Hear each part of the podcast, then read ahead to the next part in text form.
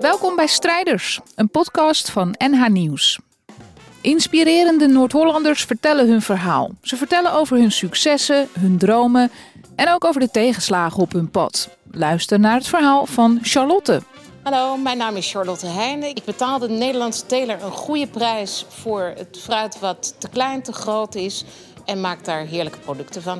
In Rue Paré, een buurthuis in Slotervaart in Amsterdam, staat een sokkel omringd door publiek. En op die sokkel liggen een heleboel losse pruimen en twee potten met ingemaakte pruimen. Charlotte gaat erbij staan en vertelt haar verhaal. Vijf jaar geleden liep ik door de supermarkt en zag ik iets gebeuren waarvan ik dacht: hé, hmm, dit ziet er raar uit. Was iemand uh, wat fruit en groenten uit het schap aan het halen. En ik dacht: dit is niet echt een personal shopper. Want dan zou hij wel iets mooiers uitkiezen. Maar wat zou hij nou aan het doen zijn? Wat is dat? Dus ik dacht, nou ja, dat, ik wil het weten. Ik vraag het hem. Dus ik zei, goh, wat ben je aan het doen? Toen zei hij, uh, ja, dit is wat mensen niet meer willen. Uh, uh, een banaan met sproeten, een appel met rimpels. Dus ik zei, maar qua smaak is dat gewoon echt het allerlekkerst. En dat ga je nu gewoon weggooien. Ja, zei hij, ik ga het weggooien. Ik zei, nou, ik kan het niet verkroppen, daar moet iets mee. Maar goed, uh, toen ben ik naar de baas gestapt en die zei... Goh, wat fijn. Uh, eindelijk iemand die inziet dat het heel vervelend is, heel raar is... dat er iedere keer spullen weggegooid moeten worden. Nou weet ik ook echt zelf wel dat als ik aan het boodschappen doen ben... dat ik ook altijd geneigd ben om toch de mooiste eruit te pakken. Maar op dat moment realiseerde ik me hoe stom of dat eigenlijk is. Dat ik iets met een buts of een rimpel gewoon laat liggen...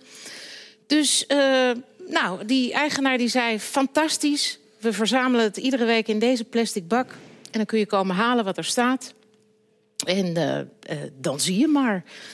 Dus dat was op dat moment wel echt even: oké, ik ben dit nu aangegaan. Ik heb het geconstateerd. Ik weet ervan, maar nu heb ik het echt gezien. Ik heb aangegeven dat ik vind dat het anders moet. Dus nu ga ik iets doen.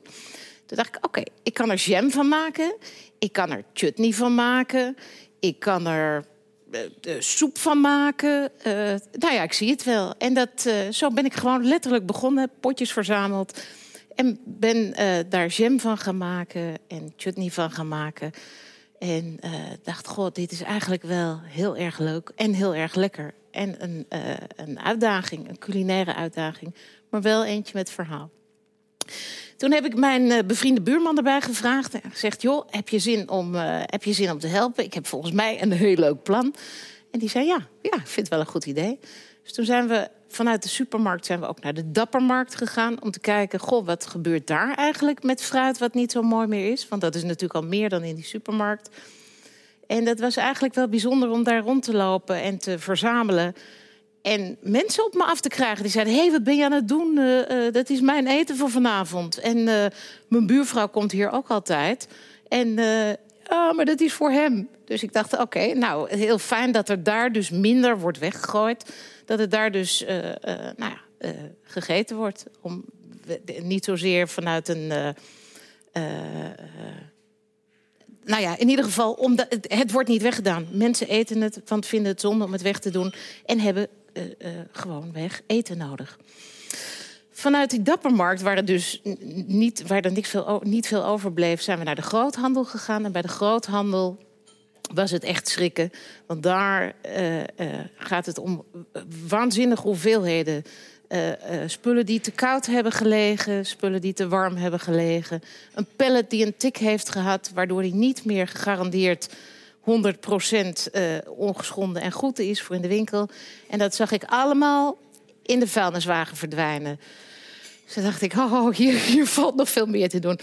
Dus daar, uh, uh, daar zijn we gestart en daar werd het dus groter. We vonden het zelf een leuk idee. Maar de zaak is natuurlijk dat als je zo aan het redden slaat... dat anderen het ook leuk vinden en lekker vinden. En dat sloeg gelukkig heel goed aan. Delicatessenzaken, speciaalzaken... Uh, horeca vond het een geweldig plan. En uh, boven dat uh, uh, is de smaak gewoon heel erg goed. En dat is iets waar ik volstrekt en altijd achter wil staan. Dat wat er in die potten gaat, dat dat goed is.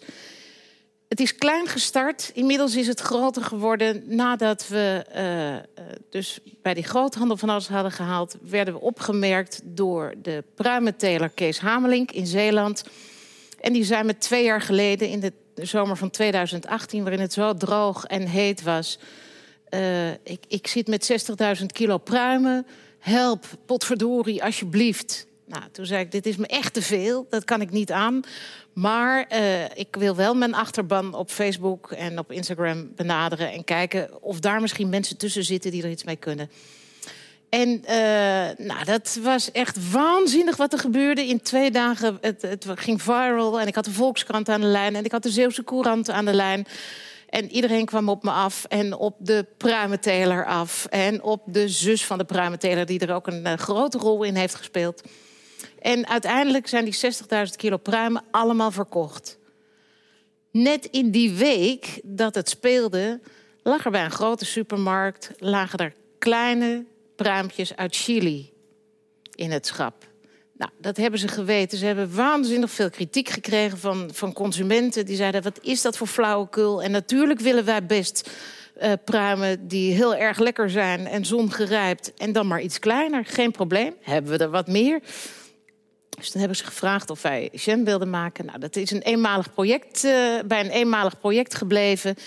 Verder zijn het vooral de speciaalzaken, de delicatessenzaken, uh, horeca... die steeds meer duurzaam bezig is. Het is een, een, een uh, grote uh, kunst om het overal onder de aandacht te krijgen. En dat is wel hetgeen waar ik mijn missie van wil maken.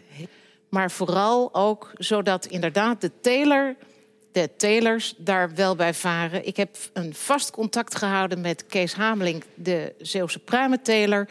Ik heb daarna ook contact gekregen met een frambozenteler uit de Betuwe. En daar is dus een vaste samenwerking mee. Er is een bramenteler uit het Westland, die, uh, wiens bramen ik uh, uh, afneem. En dat betekent dat, dat zijn dan drie van de vijf smaken die er zijn. Uiteindelijk zou het prachtig zijn als er per provincie een teler zou zijn... die zou zeggen, potverdorie, ik heb mijn, ik heb mijn groente of mijn fruit in de pot zitten... Uh, dat zou heel mooi zijn. Daar hoop ik op. En tot die tijd uh, blijf ik me inzetten om het, uh, om het nou, Nederlanders te laten vertellen... dit is wat er van eigen bodem komt. Hier wordt het rijp geplukt. Hier wordt het het snelst verhandeld. Dus kijk vooral goed naar, naar wat er is. Ik zou zeggen, ga het proeven. Dit was het verhaal van Charlotte uit de serie Strijders van NH Nieuws. Abonneer op onze podcast, dan krijg je vanzelf de nieuwste afleveringen. En alles over onze strijders vind je ook terug op nhnieuws.nl slash strijders.